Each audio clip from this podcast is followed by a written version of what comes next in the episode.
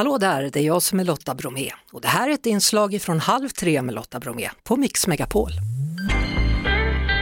Hörrni, det har varit starka reaktioner från följare och samarbetspartners. De har ut, avslutat samarbeten efter att en video lagts upp på Youtube i förra veckan av en av Sveriges största influencers, Margot Ditz.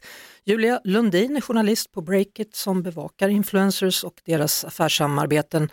Välkommen till Halv tre! Tusen tack! Hur skulle du beskriva det som har hänt? Ja, det är så att Margot då har fått väldigt eh, stark kritik efter att hon har filmat en eh, utslagen man som har legat utanför hennes eh, ytterdörr. Och den här videon publicerades på hennes Youtube-kanal och där ser man då bland annat hur hon skrattar åt mannen och hon låter sin femåriga son liksom peta på honom istället för att ringa till ambulansen. Och det här har fått väldigt starka eh, reaktioner såklart. Eh, och det här är då eh, en video som nu har tagits bort men som han spridas och får väldigt, väldigt många eh, visningar i sociala medier. Mm. Eh, ska... Och jag kan säga också, för ett par minuter sedan så la faktiskt man gå eh, på Instagram ut sin version av händelsen, så det hände precis nu. Eh, hon skriver att eh, hon trodde att det var någon som hon kände då i trapphuset och att hon annars hade liksom agerat annorlunda då. Jaha. Ja, hon har ju tidigare bett om ursäkt och sagt att det här var direkt olämpligt ska vi också säga då.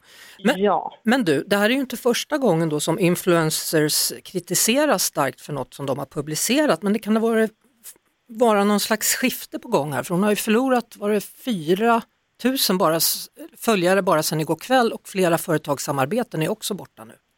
Exakt, jag tror till och med det är uppe i 6 000 här, eh, så det fortsätter eh, ticka på. Eh, och det här, eh, alltså jag, jag tror i ett första skede så kommer många annonsörer bli väldigt rädda. Alltså de lär ju så här, göra mer grundliga kontroller liksom på vilka de eh, anlitar. Men just i det här fallet med Margot så är det ganska omöjligt att liksom förutse att det här skulle kunna hända. Men eh, influencers är ju extremt liksom, oförutsägbara. Och det här måste man som annonsör då vara väldigt medveten om om man ger sig in här. Det är liksom så att du, du anlitar en levande personlig eh, reklampelare. Det är liksom ingen mm. statisk print, printannons om man säger så. Eh, och det här kan vi kolla i närtid till exempel. Ja, men du har säkert hört talas om eh, Pimps and Host-festen eh, som Katrin Zytomierska då anordnade där bland annat eh, Ida, Var Ida Varg deltog. Eh, och även Ida Wargs då, eh, varumärke Ida Varg Beauty fick ju utstå enormt mycket kritik på deras, i deras sociala kanaler. Mm.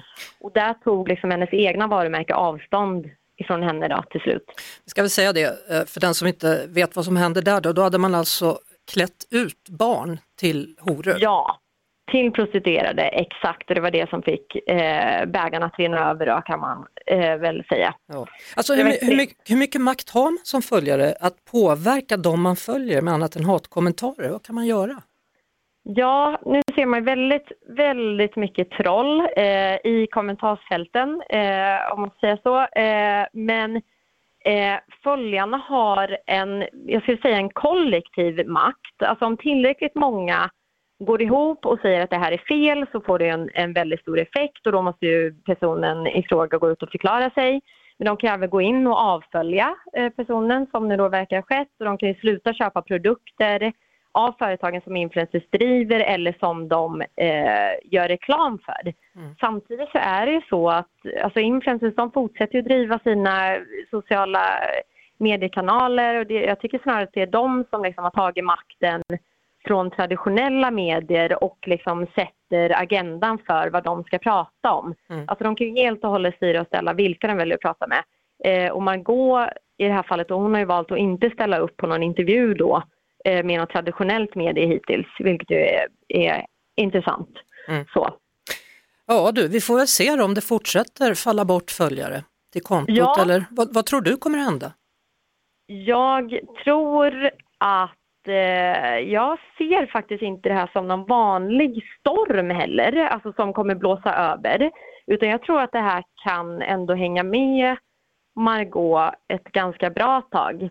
Eh, och jag funderar på vilken annonsör också som blir den första här eh, att faktiskt samarbeta med henne efter det här. Det kommer bli väldigt intressant mm. eh, att se. Så att det här kan nog vara ja, men ett skadat eh, varumärke skulle jag säga.